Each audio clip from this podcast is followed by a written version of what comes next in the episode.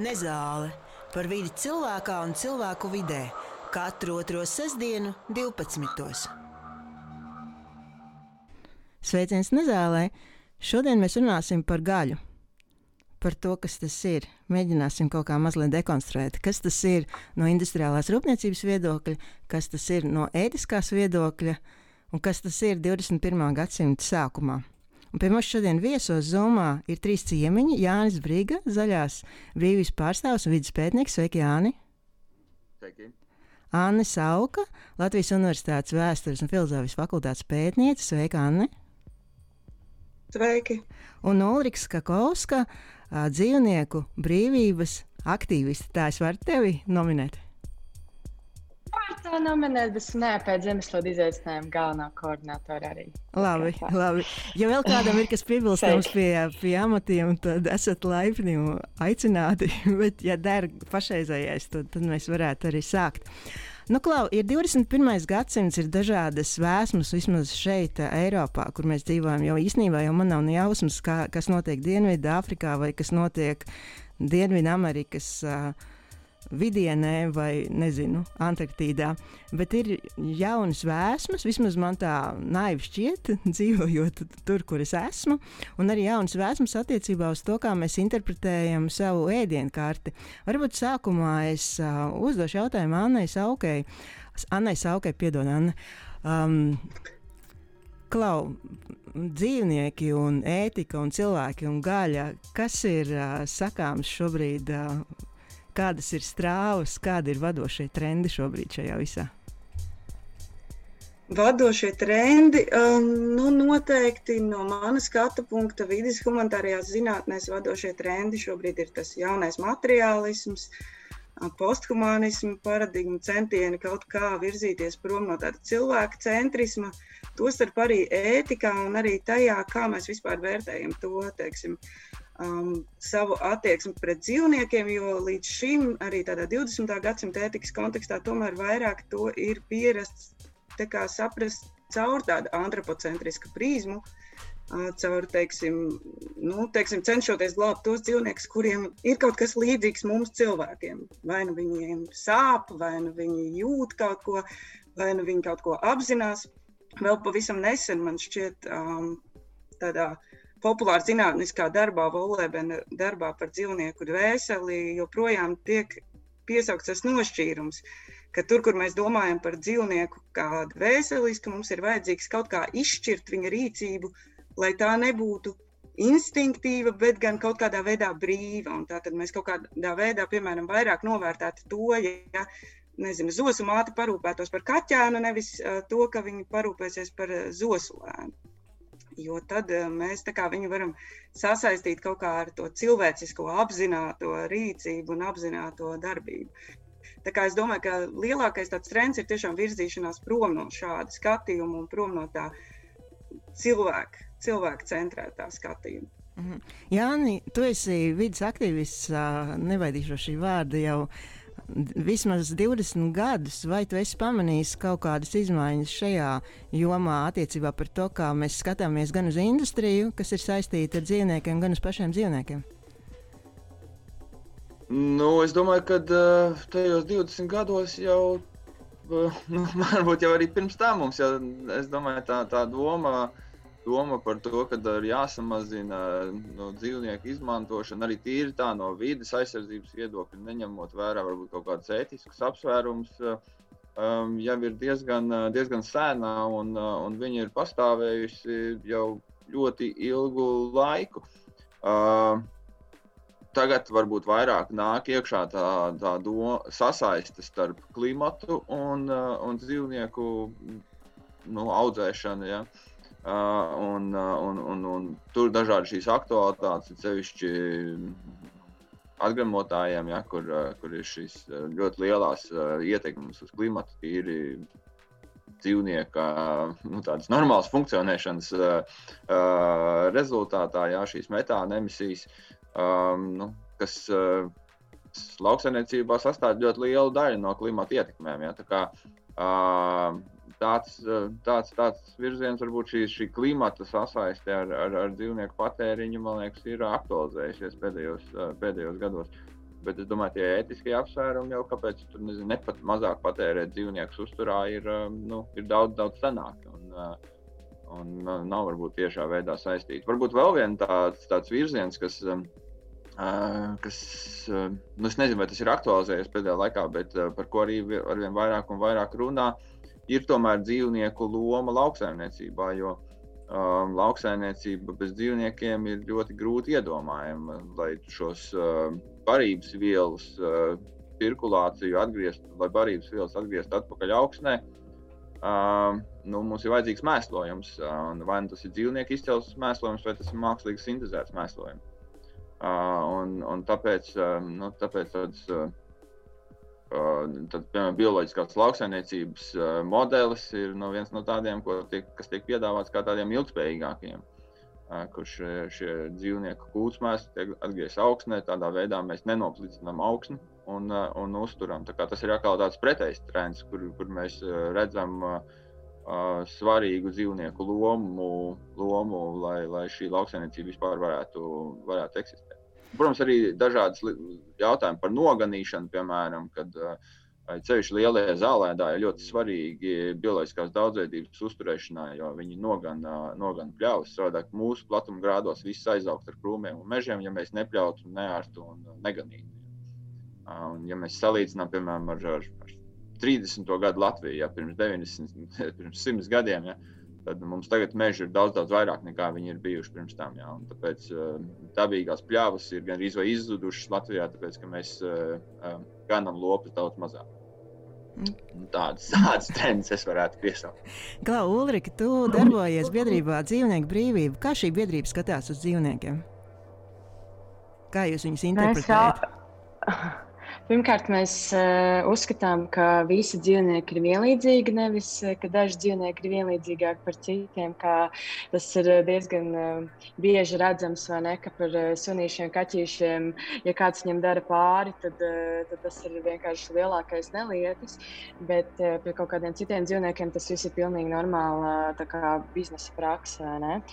Un, mēs raugam dzīvniekus kā ikvienam no viņiem šīm jūtspējīgajām būtnēm cilvēkiem ir eh, tiesības eh, uz dzīvi, bez ciešanām, bez kaut kādām tādām nopietnām problēmām.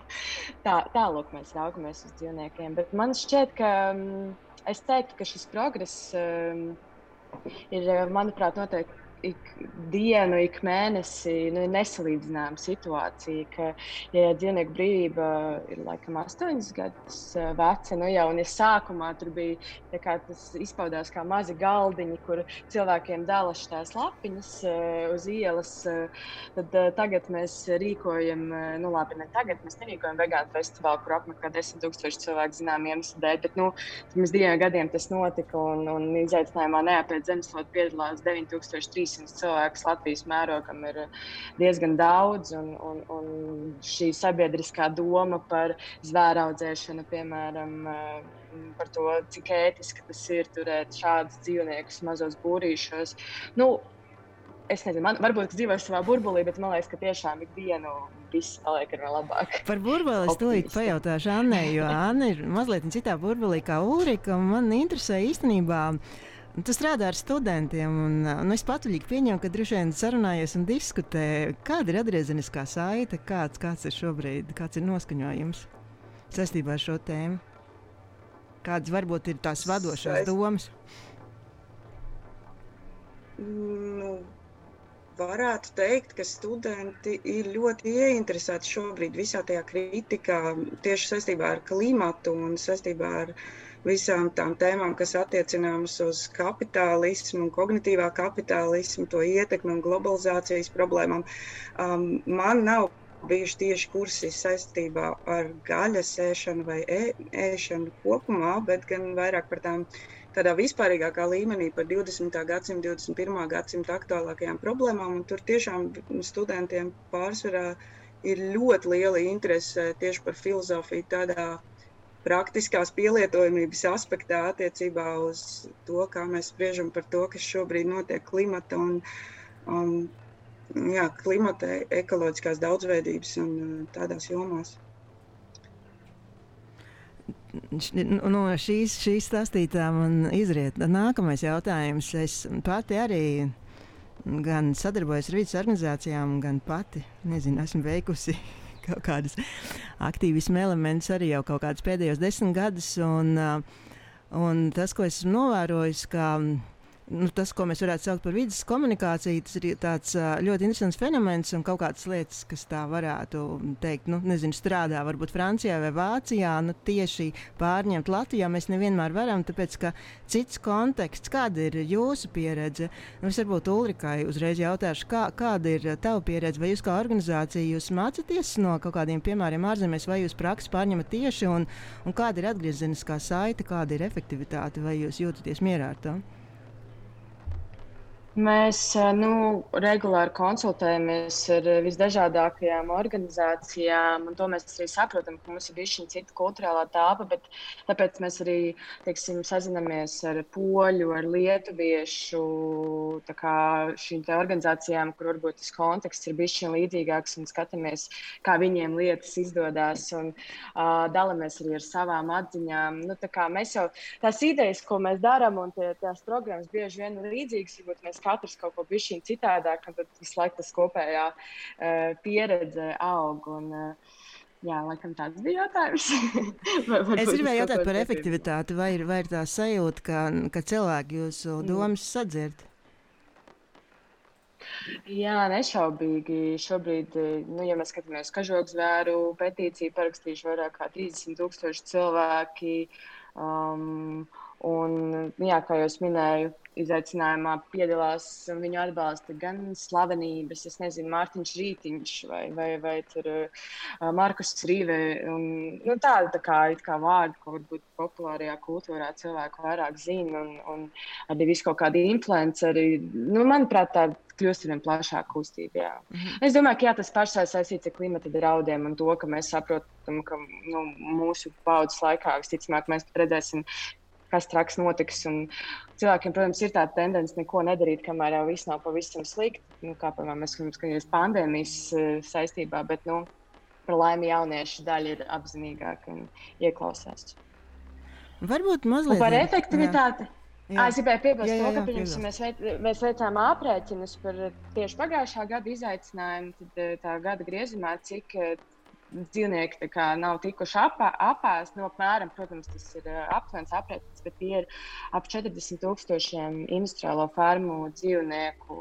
Tā, kā, nu, tā manuprāt, ir diezgan aps, apstrādītājs 40,000 mm -hmm. cilvēku. Un, ja, piemēram, šo raidījumu šobrīd klausās kāds, kas ir, nu, tā kā nav īsti burbulī, tad varbūt cilvēkam nu, rodas tas dabisks jautājums, nu, ko mēs te vispār satraucamies par industriālo rūpniecību. Kaut kādā ziņā te varētu uzskatīt par cilvēces progresu, ka mēs esam spējuši norganizēt tādas liela apmēra ražošanu, un mēs taču gal galā tādā veidā pabarojam daudzus cilvēkus.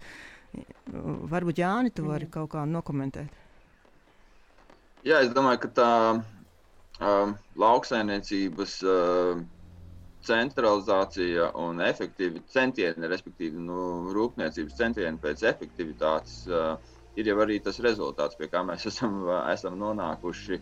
Un, uh, nu, jā, man liekas, ir jautājums par to kritiku efektivitātei un kas, kas līdz galam ir efektīvi un kas nav efektīvi. Jo, protams, tādos uh, saspiestos apstākļos dzīvniekus saliekot, nu, nevienalga, vai tie būtu putni, vai tie būtu cūkas vai kas. Tā augšana notiek daudz straujāk, ja, un daudz īsākā laikā mēs varam sabaroto barību pārvērst par, par gaļu, vai par olām, vai par vēl kaut ko tādu. Ja. Nu, tas ir skatoties tā brutāli uz, uz to, kas, kas notiek um, nu, industrializētajā lopkopībā. Un, uh, un tas arguments, ko piemēram, zemkopības ministrija teikt, ja jūs runātu par to, ka nevajag sprostos dētās olas, ja viņi teikt, ka uh, tas ir vidē draudzīgākais risinājums, tāpēc, ka uz vienu olu mēs patērējam daudz mazāk, uh, daudz mazāk resursu, daudz mazāk enerģijas. Tā. Jo lopiņš jau staigājot, uh, domājot, ja, patērē daudz, daudz vairāk resursu nekā ja viņš ir iesprostots un nekritīgs. Tā tālāk. Kā šeit, man liekas, savijās ļoti labi kopā tiem ētiskie jautājumi ar tādu tīri, tīri efektivitātes jautājumiem, tādu racionalitātes jautājumiem. Un, uh, mēs nevienmēr, mums ir saprotams, ka mēs nevienmēr varam uh, visu mērīt tieši tādās, uh, tādās racionalitātes uh, vienībās, jā, kā to ir pierasts darīt ekonomikā. Anne, es gribēju tevi pakomentēt tieši to ētisko aspektu, jo nu, tas, tas, ko es esmu sapratusi, kā pieaugušs cilvēks, ka, ja kaut kādas lietas eksistē, tad viens no iemesliem, kāpēc tas eksistē, ir to funkcionalitāte un derīgums. Un derīgums sabiedrībā ļoti bieži, vai vismaz atsevišķām sabiedrības grupām. Un, un, un, protams, tas. Vienmēr kaut kādā veidā, ja kāds gūst lielu labumu, tas vienmēr skar kaut kādu ētisko dimensiju.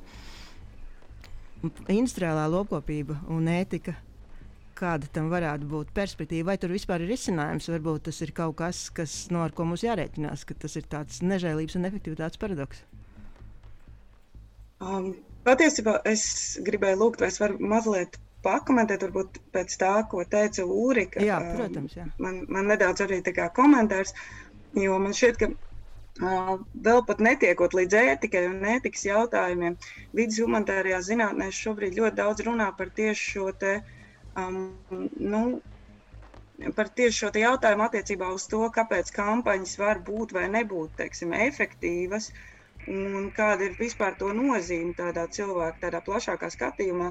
Un man šķiet, ka tur ļoti, ļoti liela problēma, kas tiek arī uzsvērta kā vidus humanitāro zinātņu problēma. Tieši es, es varbūt nerunāšu aktīvistu līmenī, bet tieši tajā zinātnieku um, komunikācijas līmenī ir šis negatīvais rāmējums, kas parasti vidas, uh, vidas jautājumiem nāk līdzi kas ļoti daudzus cilvēkus arī atgrūž. Un vienkārši tas, ko arī Sanita jautāja par to Latvijas kontekstu, man šķiet, ka tas ir arī visā pasaulē ļoti um, šobrīd aktuāls jautājums par lokālajiem kontekstiem pret tām uh, varbūt plašākām globālām, parasti globāli, un tas nozīmē anglo-amerikāņu patiesībā šajā te e, ideju, ideju rāmējumā um, esošajām ētiskajām koncepcijām. Uh, un ka šīs ētiskās koncepcijas patiesībā diezgan bieži būtu jāpapildina ar tādām no lokālākiem kontekstiem nākošām. Tas nenozīmē tikai teiksim, to, ko mēs šobrīd saprotam ar globālajiem dienvidiem, bet tas varētu nozīmēt arī teiksim, tās pašas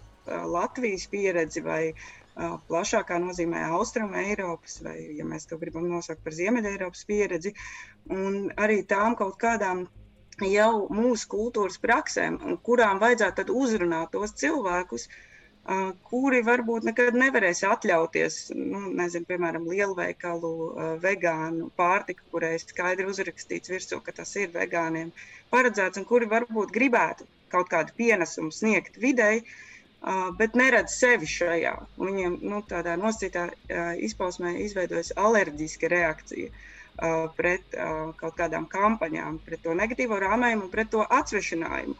Un, tad, runājot par to jautājumu par ētiku, droši vien viena no lielākajām problēmām ir tas, ka vidi mēs uztveram kā kaut ko no sevis ārēji esošu. Tas arī ir tas jautājums par uh, industriālo ražošanu, kā tātad mūsu kaut kādu sasniegumu, kaut kādu kontrols veidu uh, dabas kontrols veidu, eh, bet tas, kā to varbūt varētu risināt, ir, protams, domāt par vides un cilvēku savstarpējību tādā ļoti tiešā nozīmē. Tagad jau mēs ļoti daudz runājam par mikroplastiku mūsu ķermeņos, um, runājam arī droši vien par um, um, mums pašiem, kā kaut kādu um, daļu no procesa, nevis uh, kaut ko atsvešināmu.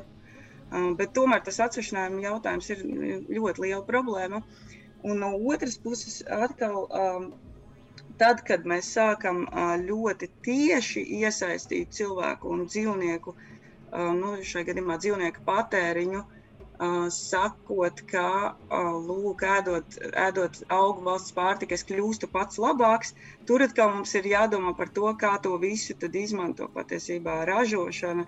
Um, tādā nu, nevienmēr pozitīvā veidā, Uh, apropriējot principā tās ētiskos dzīves stilus, nu, šoreiz patērnieciskumam, kas vērsts uz baudu, vietā liekot patērnieciskumu, kas vērsts uz kaut kādu pienākumu apziņu, šo ētisko apziņu, ka indivīds vēlas darīt labāk videi. Bet, jā, kopumā tas etikas jautājums ir ļoti sarežģīts, jo individi jau neko neatrisinās patiesībā. Mums ir vajadzīgs kaut kādas struktūrāls pārmaiņas un domāt par to plašākā nozīmē, ne tikai attiecībā pret, domāju, pašu dzīvnieku, bet tādā vēl plašākā nozīmē. Tas, kā mēs varam uztvert pozitīvi ētiski šīs kampaņas, man šķiet, ir tieši tajā nozīmē, ka nākamie politika veidotāji būs mūsu bērni, krustbērni un studenti. Un, uh, es domāju, ka tas, kā tu piedzīvo teiksim, to uh, savu dzīvi ģimenē vai savu dzīvi arī kaut kādās mācību iestādēs, um, arī kaut kādā veidā nu, var palīdzēt kaut ko risināt nākamajām paudzēm jā, es ceru, ka kaut, kā, kaut cik. Jā, Ulrika, Jāni, vai jums ir kas piebilstams? Jā, man ir vairāki komentāri par dažādām tēmām.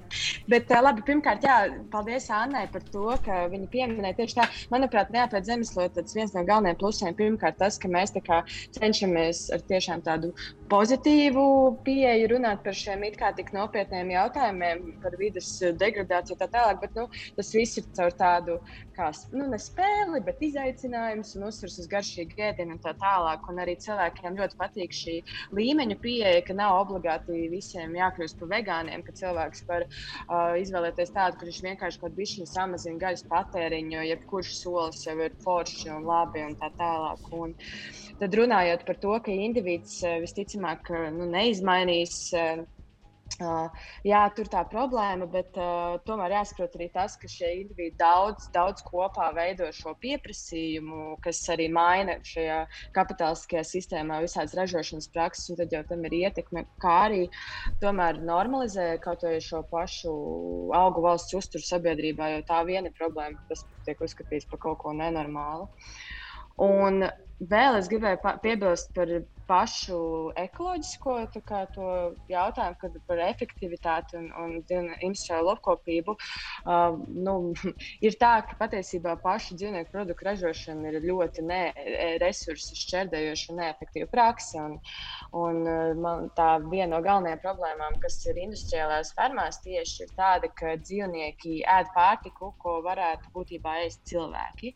Ja mēs iztēlojamies katru no tiem dzīvniekiem, kas dzīvo milzīgās fermās, viens pie otra. Viņi katru dienu ēd, un galu galā viņi apēta vairāk nekā no viņiem pēc tam var iegūt. Un, uh, lai visu šo lobarību saražotu, ir nepieciešams milzīgas uh, zemes platības, ļoti liels sādūdens resursi. Latvijā cilvē, uh, cilvēkiem, nevis dzīvniekiem, bieži baro aru, arī soju no Amazonas un tā tālāk. Un, ja cilvēki ēstu šo pārtiku pa taisno, mēs varētu izņemt eh, nu, šos augu produktus pa taisno, mēs varētu izņemt no šīs pārtikas saražošanas ķēdes vienu lielu resursus eh, šķērdējošu posmu. Un, principā, ja mēs tā iztēlojamies to hipotētisku kaut kādu realitāti, kur dzīvnieku produkti netiek ražot vispār, tad Oksfords zinātnieki aprēķinājuši, ka mēs varētu samazināt tās barībai nepieciešamās, nu, ēdienu ražošanai nepieciešamās platības par Āfrikas eh, teritorijas platību. Tā kā Tas ir mans komentārs. Jāni, tu esi cilvēks, kurš jau arī ir saskāries un sadarbojies un strādājis ar dažādiem ministriju cilvēkiem, ar, arī ar dažādiem cilvēkiem, kas nezinu pārstāv dažādas industrijas. Kāda tev ir varbūt nezinu, tā iekšējā sajūta, balstības pieredze, vai mēs Latvijā varētu pieredzēt tuvāko 5-10 gadu laikā kaut kādas izmaiņas, kas saistītas ar gaļas patērniecību un ar rūpniecisko lauksaimniecību nu, tieši Latvijā, varbūt Eiropā? Uh, mēs esam jā, diezgan daudz arī kopā ar, ar dzīvnieku brīvību, arī kaut kādās tajās uh, kampaņās piedalījušies tieši uzrunājot uh, lēmumu pieņēmējus. Es domāju, ka uh, kažoka audzēšana un tādas lietas varētu būt uh, kaut kas tāds, kur mēs redzam izmaiņas. Bet, uh, nu, es, pārtika ir ļoti sensitīva joma, ne? Un uh, visi politiķi grib nodrošināt lētu pārtiku. Uh, pārtika, par ko gan izvēlēties, pavēlēt cilvēku var paēst. Tur ir, man liekas, milzīgs spiediens uz šo industrializāciju, kas uh, ir skaidrs, ka uh, viņi nemaksā. Nu, šī pārtika nav pilnīgā lēta, ja mēs vienkārši pārdalām tās, tās, tās izmaksas uh, uz plašāku sabiedrību. Bet uh, veikalu plauktos mēs varam dabūt lētu pārtiku caur da, arī dažādām šīm subsīdijām un, un citām lietām, un arī šiem efektivitātes uh, pasākumiem. tas, man liekas, ir ļoti kritisks ele elements. Lai, um, tagad teikt, ka mēs visi ēdīsim bioloģisko pārtiku, nu, tas tur uzreiz tās citas cenas, protams, ka tā. Mm, ja mēs runājam par pilnām izmaksām, ja, tad dažādas šīs sociālās un vidas izmaksas tajā industrializētajā pārtikā nav ieliktas iekšā. Tāpēc mēs viņu arī varam dabūt lētu. Mēs varam teikt, ka nu, nav lētas pārtikas.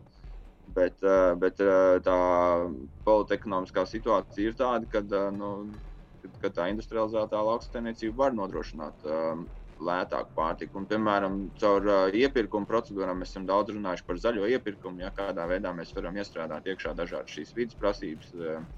Uh, um, zaļā iepirkumā arī par pārtiku, gan ar vidas ministriju, gan ar zemkopības ministriju. Un, uh, Kaut kādā skolā ēdināšanā un tā tālāk. Un ir ļoti grūti un ilgi un sarežģīti visi tie skaidrojumi. Tagad ir salīdzinoši liels progress. Ja mēs varam uh, nu, bērniem arī skolā uh, dot, viņi var izvēlēties vegetāro ēdienu. Ja. Un, uh, nav tā, ka ja, vien, ja pirmdiena ir vegetārā diena, tad otrdienā jāēd divreiz vairāk kotletes, ja, tā kā iepriekš bija kur bija šīs uh, gaļas normas sareiķinātas uz, uz, uz, uz, uz nedēļu. Bet, uh, no zemkopības ministrijas, protams, ir ļoti liela pretestība pret jebkādiem pasākumiem, vai nu par uh, olām, vai par, uh, par, par citiem kaut kādiem ierobežojumiem gaļas, gaļas patēriņam.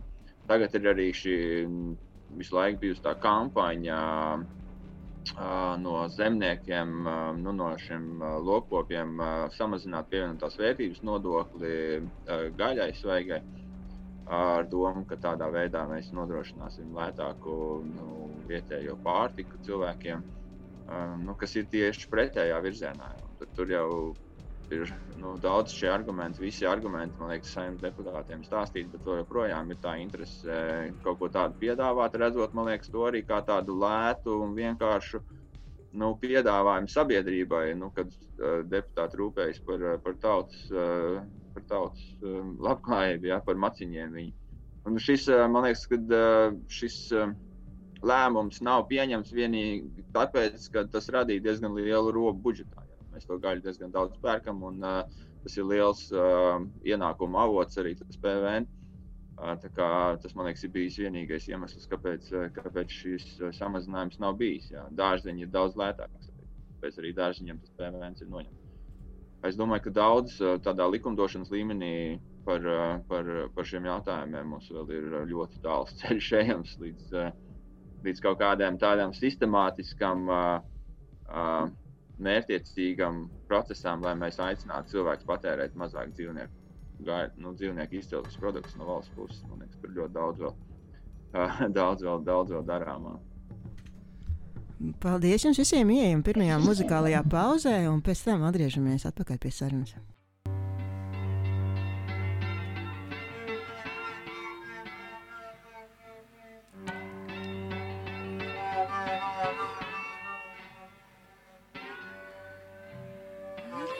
Měsíc nad mlhou. To zas polích mraky jedou. Na stébu trávy váška sedá a stébu jí sednout nedá. Kol měsíce a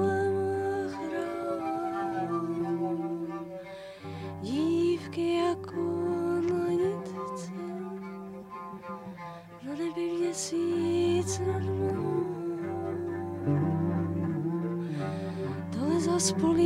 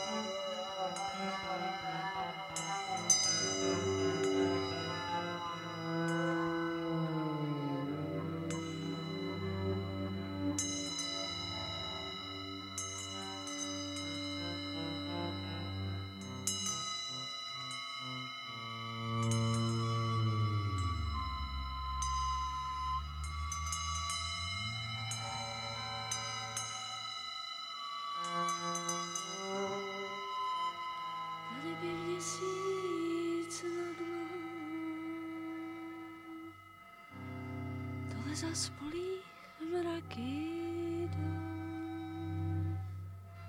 dole za spolích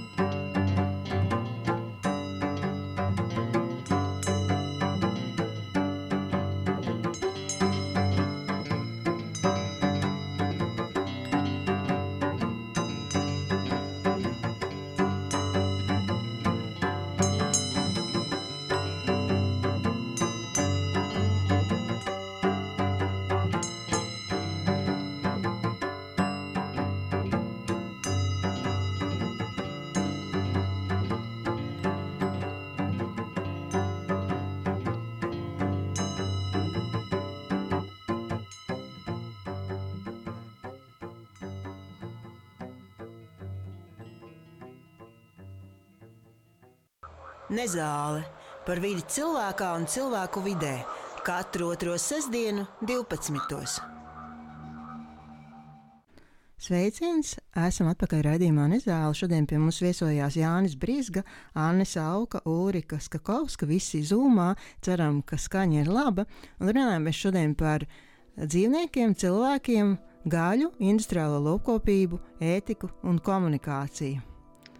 Mazliet kopsavilkot um, to, ko mēs apspriedām pirmajā daļā, Ulrika mazliet pastāstīja par dzīvnieku brīvību un par to, kā viņiem sokās. Anna mazliet ieskicēja ētiskos aspektus šai, pat nezinu, šai teritorijai, un Jānis mazliet padalījās ar savām zināšanām par nozari, ja es tā drīkstu teikt.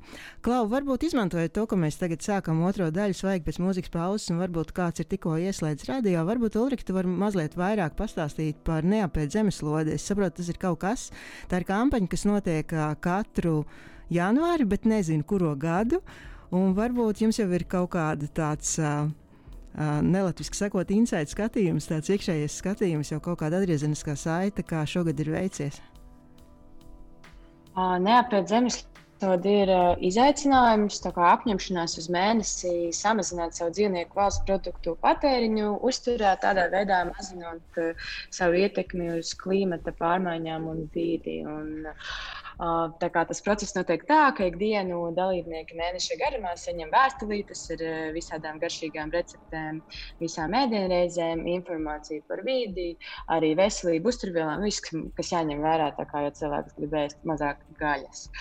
Un tagad jau insights ir tāds, nu, ka ir kārtējais rekords. Izaicinājums noteikti ceturto gadu. Es viņu organizēju trešo gadu. Un, uh, šobrīd mēs esam no vairāk kā 9300 dalībnieku. Un pirms trīs gadiem, kad es viņu rīkoju, bija, mm, mēs laikam bijām 3800.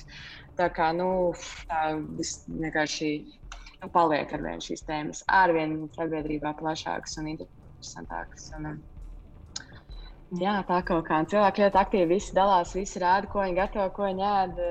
Jā. Vai jums ir kaut kāda atgriezeniskā saite arī par kaut kādu nezinu, tādu um, demogrāfisko modeli, kas vairāk piedalās? Vai tie ir vīrieši vai sievietes, gados vecāki cilvēki, vairāk jaunieši, vai arī to jūs nezināt, varat tikai nojaust?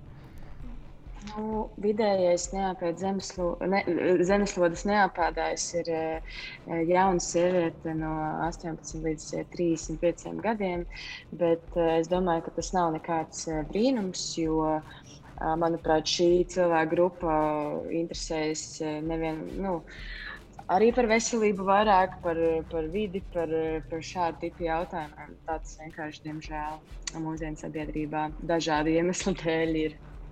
Un kas Tā kā tavuprāt ir tās grupas, ko jūs uh, nespējat aizsniegt, vai ir tādas, par ko jūs esat varbūt savā starpā runājuši, diskutējuši un, un sapratuši, ka jā, nu, varbūt pat samierinājušies, jā, šī ir grupa, ko mēs nevaram uzrunāt, vai arī tā nav?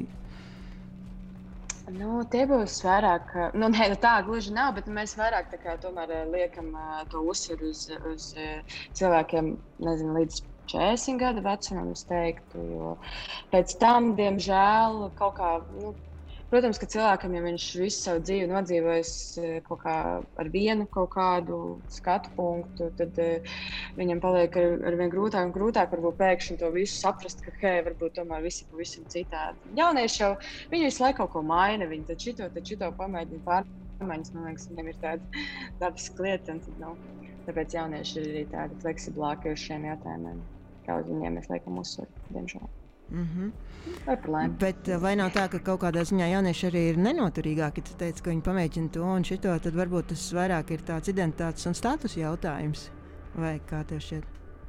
Nu, tā, ka šobrīd ir trendīgi, nu, neēst dzert drīz pienu. Nu, es ļoti ceru, ka tas ir trendīgi. Tas vispār būtu brīnišķīgi, protams, ja tas tā ir. Bet eh, es domāju, ka tas nav vienkārši trends, kas atnāks un pāries tā kā kaut kāds gluten-free vai es nezinu, kas vēl bijuši trendi.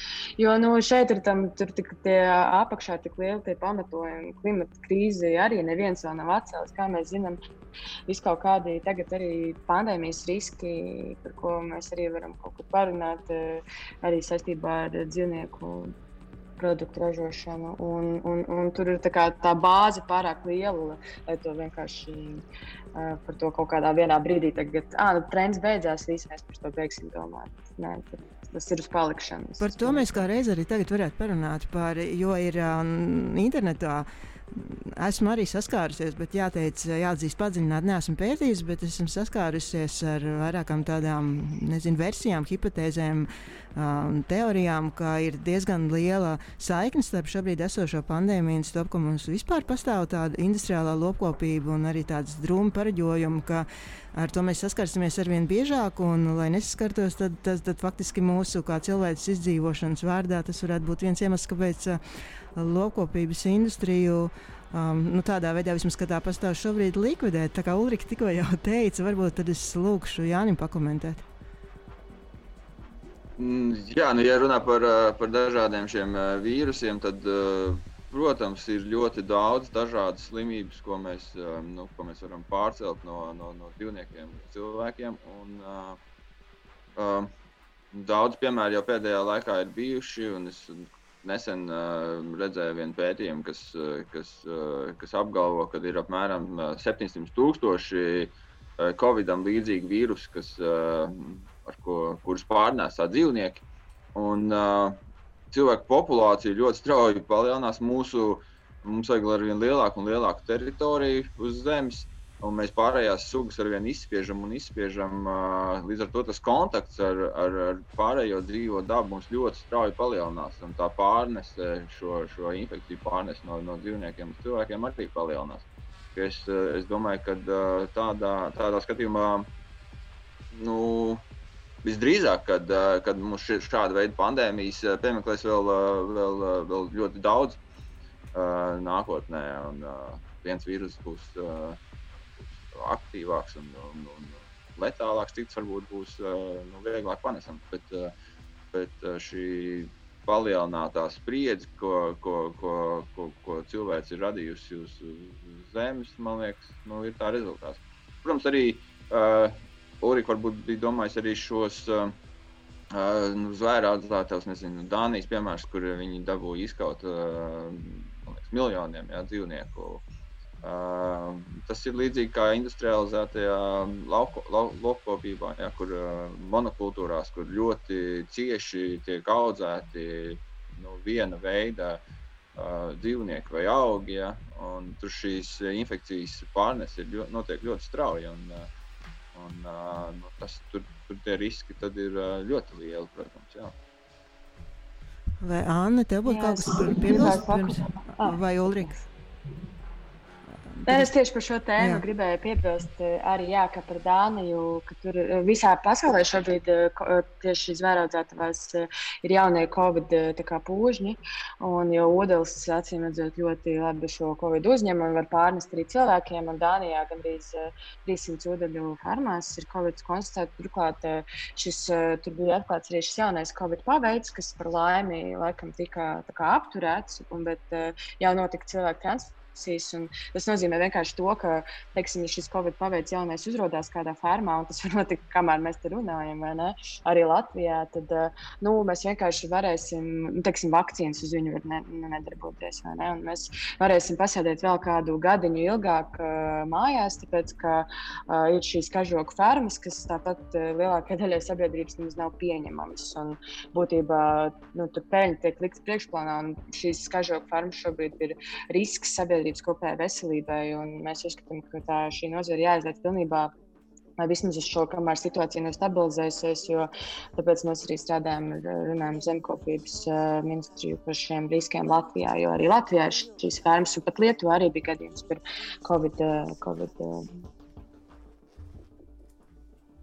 Halo, halo, Ulrika mazliet pazuda. Āne, varbūt tev ir arī kāds komentārs saistībā ar šo jautājumu?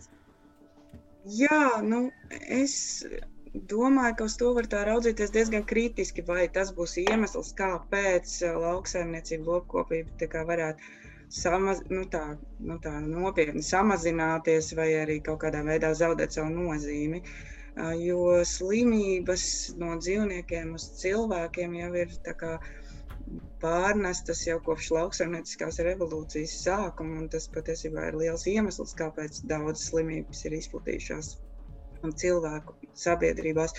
Un kaut kā nešķiet ticami, ka tagad uh, tas uh, kaut kādā veidā liks kaut kā radikāli pārvērtēt uh, vispār rūp, lauks, nu, lopkopības rūpniecības kā, nepieciešamību. Uh, tas varētu mainīt, protams, to varbūt kaut kādā veidā mainīt veidu, kā mēs par to domājam, un iespējams arī uh, Un līdz ar to attiekties uz kaut kādiem drošības nosacījumiem, vai, vai varbūt, nu, to, par to es tik labi nevarētu komentēt, bet varbūt arī kaut kādā veidā uz to um, um, dzīvnieku turēšanas nosacījumiem, kas varbūt nu, kaut kā strādās par labu la, labturībai dzīvnieku, bet uh, tas kaut kādā ļoti radikālā veidā.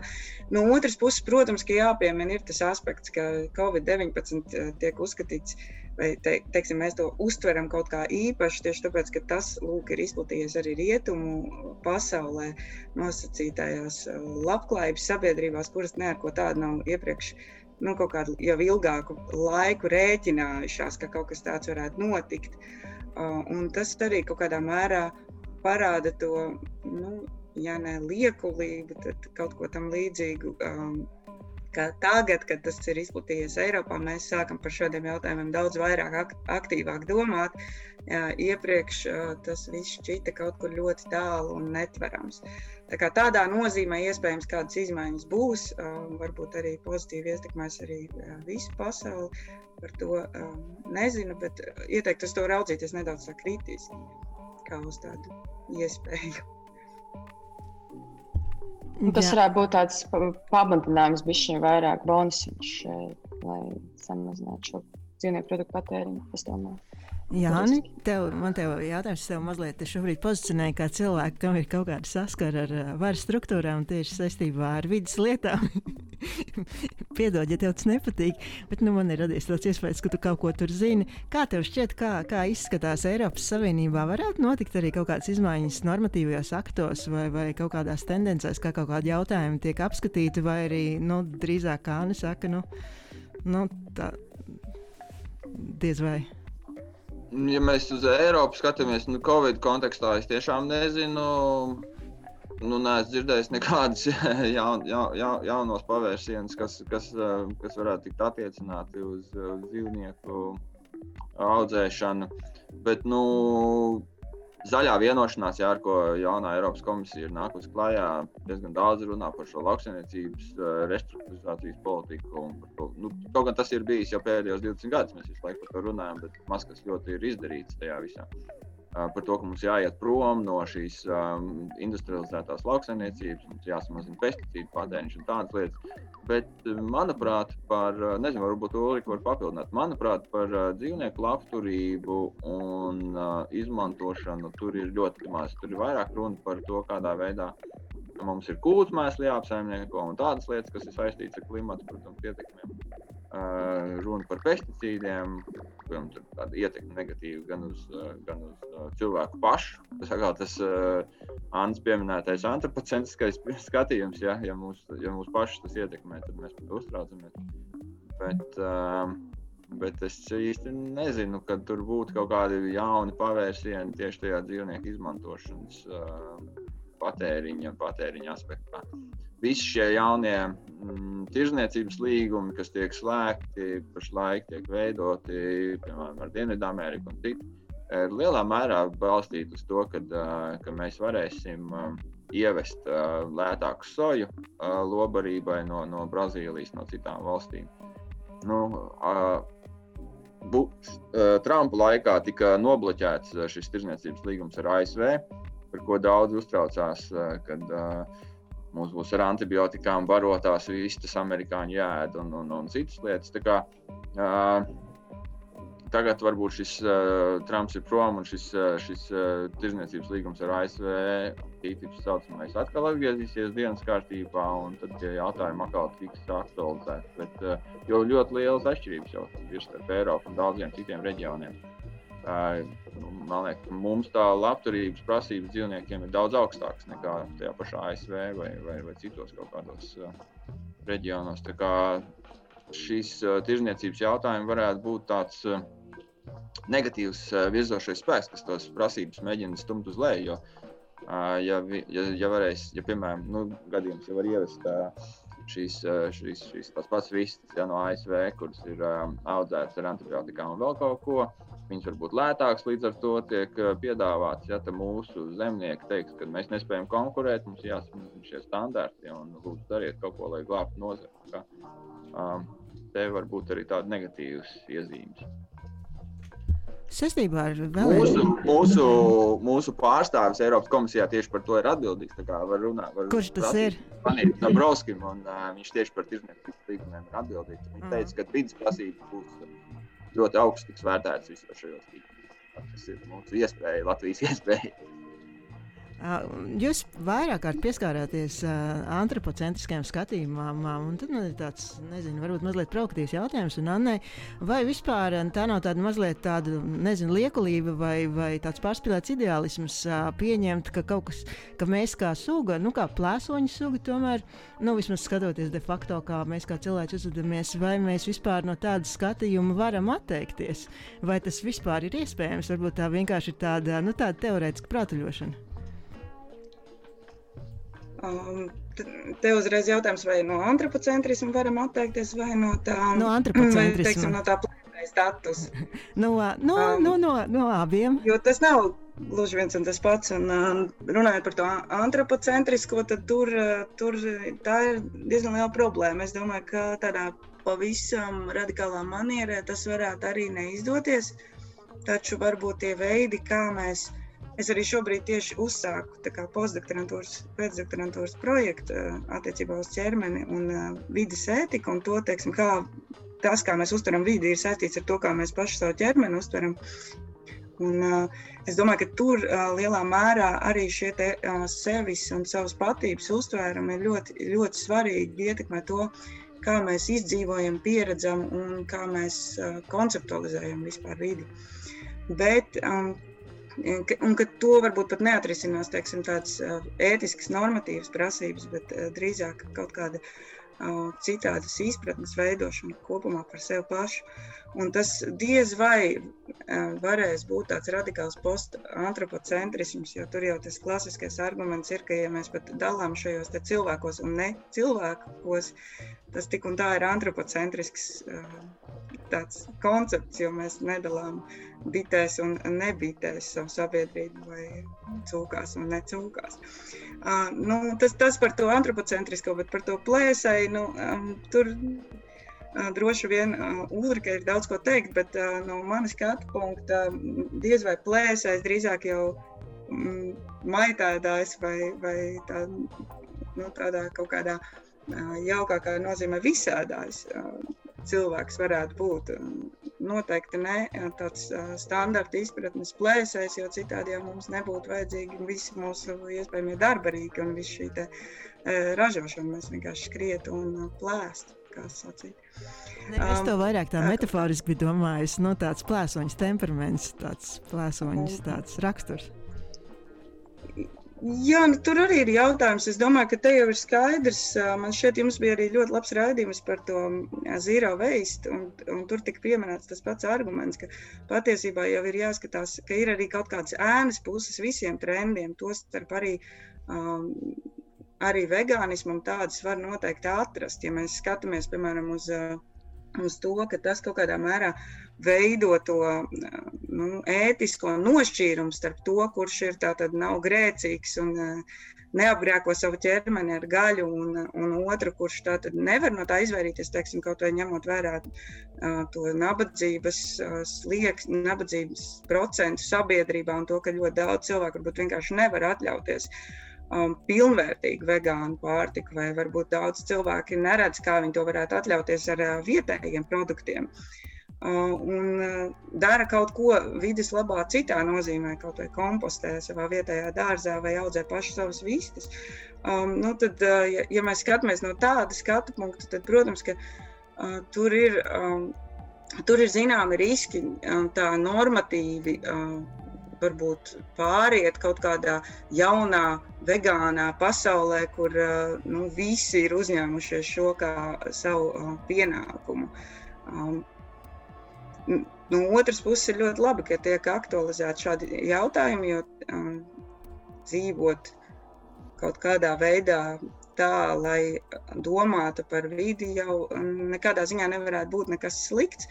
Um, bet nu, tur ir jādomā arī tajā plašākā kontekstā, kā, teiksim, kā Kā to varbūt konceptualizēt, negluži tā, ka mums ir kaut kāds viens morālais rāmis, kurā tad dzīvot un kas visu varētu atrisināt. Jo skaidrs, ka visu ar vegānismu atrisināt nav iespējams. Tāpat kā to nav iespējams ar zero waste vai ar, vai ar jebkuru citu trendu vai dzīves veidu. Tas vienmēr būs tas plašākais struktūrālo pārmaiņu jautājums, bet arī šīs struktūrālās pārmaiņas nevar notikt, ja mums nav kaut kāda cita veida um, cilvēka vides, tās vispār attiecību izpratnes, kur, kuru varētu tad piedāvāt, nu, pat ne piedāvāt, kurā mēs varētu dzīvot nākotnē. Tā kā nu jā, šobrīd tā ir tāda utopija patiesībā. Ulrika, varbūt tev Jā. ir kas piebilstams? Jā, protams. Pirmkārt, ir skaidrs, ka pārmaiņas notiek vienā brīdī. Tas ir tie daudz mazu solīši, kas notiek, un tā, tā tas ir jebkuros jautājumos. Un, ja mēs tā pamatotos uz kaut kādas, nezinu, cilvēks vienmēr ir bijis tur, vienmēr nevienlīdzība pastāvējis, vai, vai kaut kas, kas ir vienmēr bijis, tad jau mēs varētu vispār nekā, neko nedarīt. Un, ne, vispār nekāda veida cilvēktiesības, dzīvniektiesības, vienalga, kā mēs varētu atmest tam visam ar roku. Un, bet runājot konkrēti par, jo pārmaiņas ir iespējamas un nav nekas tāds, kas ir pēc definīcijas tāds vai šitāds plēsēs vai neplēsēs. Un, pieņemsim, es gribēju parunāt par to, ka, ka cerēt teikt, ka, ka gaļu, mēs dabiski? Un, Un, uh, o, pirmkārt, jāsaprot to, ka būtisku lomu mūsu arī aizvēsturē ieņēma augu, augu produktu patēriņš, jo vienkārši ir loģiski, ka augi nevar aizbēgt, uz viņiem var vairāk paļauties. Un arī senlatvieši noteikti gaļu nē, trīs reizes dienā, kā mums arī patīk atsaukties uz kaut kādiem senatviešiem, kā viņi tur tā kā tā gaļa nebija pieejama. Un, un arī daudz kas cits tādā gadījumā nav dabisks, jo, jo, jo antibiotikas nav dabiskas. Um, Labi, arī piena produkti nav dabiski, jo mednieku vācijas sabiedrībās piena produktus nelieto. Kāpēc mēs par to nerunājam? Bet kopumā, vispār, protams, es, es esmu antropoloģis pēc izglītības. Un, kā, tad, kad kāds saka, ka es pamatoju kaut ko ar šiem dabiskajiem argumentiem, tad ir uzreiz tāda sarkanā lampiņa. Jo, nu, koncepts dabisks nu, nepastāv. Jo tas nav tāds vispār cilvēcisks lieta, dabisks kaut kas tas atkarīgs no kultūrālās vidas laika, kurā mēs esam un tā tālāk. Un tas attiecas arī mūsu ēdienu izvēlēm. Mums dabiski tur, pieņemsim, varētu šķist, ka dabiski ir tur ēst govi, tur nu, tikai kaut kāds nezinu, pāris cūgas. Ja. Āzijā vietām pilnīgi dabiskais suņus, tur insektus vai ne, kas mums šķist pretīgi. Un tas, manuprāt, ļoti skaisti parāda, jo šīs arī mūsu ēdienu it kā tik dabiskās izvēles, kas mums šeit garšīgi, kas mums šeit pretīgs, ir kultūrāli konstruētas. Un, un, un manuprāt, mans pēdējais punkts ir tas, ka cilvēks ir mainīgs. Un, manuprāt, tas, kas tiešām ir dabī, dabisks, ir e, kaut kāda evolūcija un tas, ka cilvēki mainās. Un, jo mēs esam ļoti dažādi bijuši vēstures kontekstā un ēduši ļoti daudz ko. Un tieši tas ir tas dabiskais pārmaiņas. Jā, Ani, kāds tev būtu komentārs par antropocentrismu un par cilvēku kā par plēsoņu? Par, eh, par cilvēku par plēsoņu. Uh, nu, man liekas, mēs esam iegājuši tādā laikmetā, ko sauc par tādu antropocēnu, ja, kad uh, nu, cilvēks ir tas galvenais pārmaiņu faktors uz Zemes. Ja kas, kas ietekmē visu, kas, kas notiek. Un sešto, sākot ar klimatu pārmaiņām, vai klimatu pārmaiņas nav vienīgais visās pārējās jomās mēs arī esam tie, tie, tie, tie virzošie, kas, kas, kas, kas maina vidi, kas nosaka citu sugu eksistenci un pastāvēšanu. Es neredzu īsti to, kā mēs ejam prom no tā visa. Man liekas, tī, kaut vai ne tikai tā, tā, tā, tā, tā, tā mūsu attieksmes ziņā, bet arī tīri praktiski. Tā, cilvēku skaits ir tik liels, ja, kad, kad, nu, kad mēs esam dominējoša tāda suga uz, uz, uz planētas un ar to savu, ar savu patēriņu, ar savu uzvedību arī, arī nosakām lielā mērā, kas, kas, kas šeit notiek. Bet uh, tas nenozīmē to, ka mēs. Um, ir skaidrs, ka mēs varam pabarot, uh, pabarot uh, šo, šo cilvēku, cilvēku daudzumu uh, arī pašlaik. Un, nav, nav mums obligāti jāēd gaļa vai jāizmanto industrializētā lauksaimniecība, lai, lai to nodrošinātu. Kā, tur man liekas, ir diezgan, diezgan skaidrs. Un tas arī, ko Ulrika teica, ja dzīvnieku izcelsmes produktu patēriņš jau patiesībā ir ļoti resursu ietilpīgs. Dzīvnieks jau iztērē to enerģiju, ko viņš iegūst no pārtikas, uh, savu ķermeņa temperatūras uzturēšanai, smadzeņu darbībai, kustībām. Ja? Un, uh, ja mēs paši ēstam to soju, ja, tad, tad, tad mēs daudz efektīvāk tos resursus izmantosim. Bet no otras puses, mēs, protams, ar zāli arī neēdīsim. Ja. Visas vis šīs uh, dzīvnieku funkcijas mēs varbūt nevaram arī pārņemt uz sevi, un visu to dzīvnieku barību mēs, uh, mēs nevaram, uh, nevaram izmantot. Tā kā, Tur, man liekas, ir dažādi, dažādi, dažādi šie, šie, šie, šie aspekti. Un interesants jautājums arī par insektiem. No tā etiskā viedokļa, insekts būtu labi vai nē. Ir daudz, tagad, daudz pētījumu par to, kā insekts varētu būt kā tāds nākotnes proteīna avots. Ja. Uh, kā arī kā veids, kā piemēram cīnīties ar pārtikas atkritumiem, ar šiem organiskiem atkritumiem. Sakā, tiek piedāvāts kā tāds klimata pārmaiņu risinājums. Ja. At, atstāt šos atkritumus pūšanai, mēs radīsim metāna, metāna gāzi. Kaut vai banānu mīzes, kartupeļu mīzes. Nu, nevajag runāt par to, ka mēs kaut ko neapēdam, bet uh, lauksaimniecībā rodas ļoti daudz blakus produktu, ja šīs organikas, kas uh, nav, nav, kas nav izmantojami. Jā, mēs viņus varam dot cūkām, mēs viņus varam dot arī. Tā, jā, es gribētu arī dzirdēt, ja, ja, ja, ja tu ļauj, varbūt uh, uh, kolēģi viedokli par to. Es labprāt dzirdētu vēl kolēģi viedokli par to, bet, diemžēl, mūsu laiks uh, nu, ir pietuvojies izskaņai, un raidījums ir jābeidz. Es priecājos ar, ar jums tikties vēl kādā no citiem raidījumiem, iespējams, par kādu citu tēmu. Klausītājiem atgādinu, ka pie mums šiem, šodien ciemos. Uh, Tiesa gan zūmā bija Jānis Brīsga, Anna Sauka un Ulriga Skakauska. Nākamajā sestdienā klausieties mūsu kolēģis raidījuma zootehnikums un es tikšanos pēc divām nedēļām.